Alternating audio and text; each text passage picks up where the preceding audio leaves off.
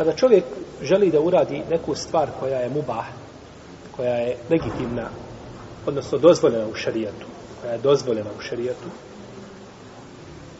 a ne zna da li je to dobro za njega ili nije,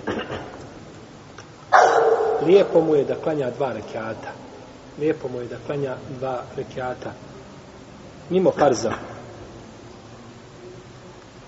I da nakon toga dovi sa dovom kojoj je poslanik sa osana je poučio ashabe.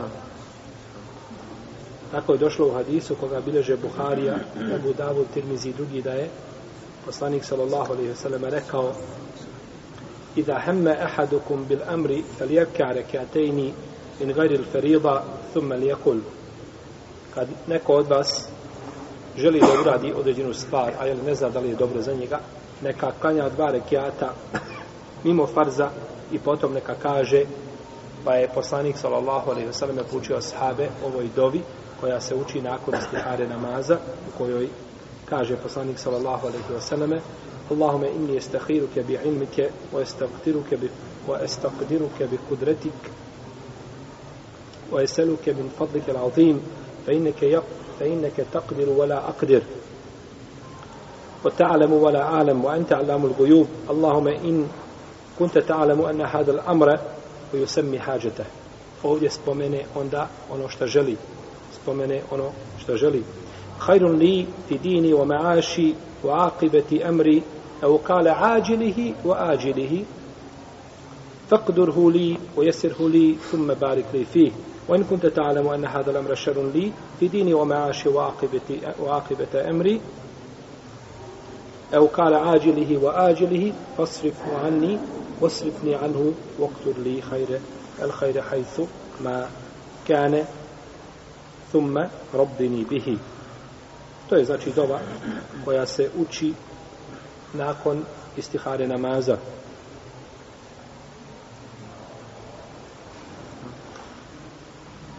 istihara namaz je legitimna kada su u pitanju stvari koje su mubah znači ne treba istihara za sunnete određena stvar sunnet ne treba za nju šta istihara nego treba sunnete šta praktikovati pa nije pohvalno da čovjek ostavi praktikovanje sunneta osim tamo kada šarijet od njega traži da ostavi to praktikovanje kao na primjer da ne klanja na putu šta četiri rekiata na primjer podne, podnevskog e, sunneta ili dva rekata posle, posle akšama i o tome. U protivnom, sunnete je pohvalno praktikovati, pa ne trebaju, zbog toga ne treba šta? Istihara namaz. Ne treba istihara namaz. Čovjeku ne treba istihara namaz da li da se ženi. Je li tako? Ako ne znate, pitajte ove na Ne treba mu istihara da li da se ženi. Jer je ženitba sunnet i da se čovjek što prije ženi, to je sunnet. I našto kada živi u mjestu gdje je iskušan, nego mu treba istihara sa kojom ženom da se ženi. Tako. To može biti. Ali da se ženi, ili s koje zemlje da se ženi, slično tome. Ali u osnovi daj propis da praktikuje šta sunnet, zato mu ne treba šta. Zato mu ne treba istihara. Osim ako čovjek u datom momentu se nađe u situaciji da ne može odlučiti, kao što ulema kaže a, za sunnete se a, klanja istihara samo u slučaju kad ne možeš obaviti dva sunneta a, ne možeš obaviti šta dva sunneta pa jedan moraš ispustiti jedan moraš ispustiti na primjer čovjek može se ženiti može otići na hađ međutim koliko mu je god bitan hađ toliko je bitna šta i ženit ga je iskušan šta da uradi može čovjek znači u određenim momentima da s te strane klanja šta? Istiharu, no međutim, u osnovi za sunnete se ne klanja istihara, nego se klanja samo za stvari koje su šta? Mubah, koje su dozvoljene. Koje su dozvoljene.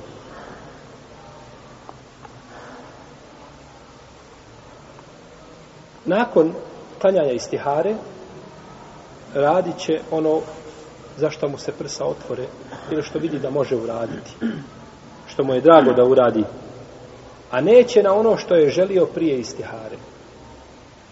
Čovjek prije istihare htio nešto i sada klanja istiharu i nakon istihare opet teži kao onome što je želio šta prije toga, čemu ga duša vuče.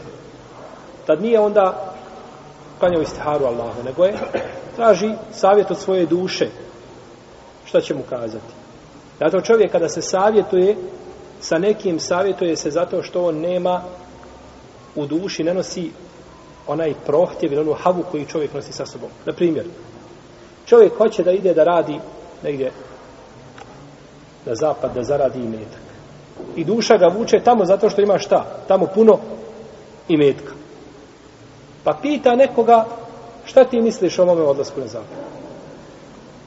Ali ovaj čovjek koga pita, on nema u duši te pohote i te pohlepe za tim imetkom koji ima čovjek koji je šta namijetio da ide tamo. Jel u redu? Pa ga pita, pa mu ovaj daje savjet. Idi ili nemoj ići. Dok čovjek ako savjetuje sam sa sobom, onda teži ono što mu njegova duša šta naređuje i na šta ga postiče. Pa je s te strane ovdje istihara, znači namaz, da čovjek ne sledi svoju, znači, strast, nego da mu Allah što da i da mu lakša ono što je najbolje za njega i za njegovu, i za njegovu vjeru.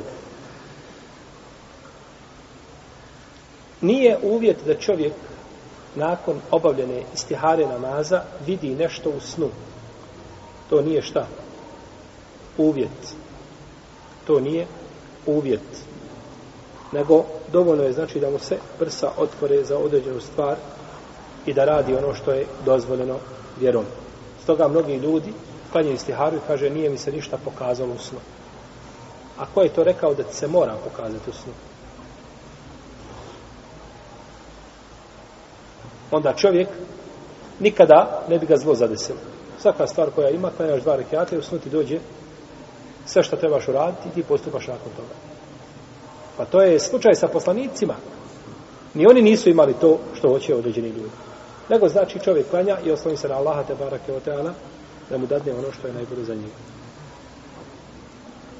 Možda će nekada uzvišeni Allah za uđelu odrediti čovjek ono što on misli da nije po njega šta? dobro. Ne odgovara njegovoj duši, njegovoj hagi. I braćo, mi kada bismo se slomili razmišljajući o mudrosti Allahove odredbe o pitanju određenih stvari, nikada to ne bi shvatili. Mogao bi čovjek uništiti samog sebe, nikada neće razumjeti zašto je uzvišen Allah odredio određene stvari, zašto je dao nevjernicima da uživaju, da se naslađuju a vjernicima nije to dao. A vjernici su preči da to imaju. Zašto je čovjeka iskušao? Zašto je iskušao tebe, dragi brate, da izgubiš dijete? Kada bi se slomio, ti ne možeš shvatiti zašto te Allah iskušao. Iz kog razloga? Koja je mudrost? Pa tako, čovjek kada uzvišeni Allah nešto odredi mu, nakon te istihare ne treba znači da da žali zbog toga ili da misli da mu Allah hoće loše, to je ružno mišljenje stvoritelja za ođer, nego treba znači da je ubjeđen da mu uzvišenje Allah neće nego najbolje i da će na kraju ta stvar koju je odredio biti dobra po njega, bilo na dunjaluku ili na ahiretu. U asa an tekrehu šejen, wa huwa khairun lakum wa asa an tuhibbu shay'an wa huwa sharrun lakum wallahu ya'lamu wa antum la ta'lamun Možda mrzite neku stvar, ona dobra po vas. Možda je volite, ona zlo po vas. Vi ne znate, a Allah zna. I u tome je, znači, mudrost Allahove te barak i otala odredbe. Istihara je dova, pa kod nekih učenjaka nema smetnje da se ponavlja. Za istu određenu stvar, za jednu te istu stvar da se istihara ponovi šta više puta. Dok kod neke uleme kažu ne, istihara se ponavlja samo, jedan put se klanja i to je dovoljno. Jedan put se klanja za određenu stvar i neće se ponavljati. U svakom slučaju to je razilaženje. Ma pa jedan hadis koga bliži Busuni, koji ima potpuno slab lanac prenosilaca, znači nije hadis vjerodostojan, u kome stoji da je poslanik sallallahu alaihi sallam rekao kada neko želi da uradi određenu stvar, a znači u nedomici je šta da učini, neka klanja sedam puta istiharu namaz. No, međutim, ovaj hadis je potpuno slab.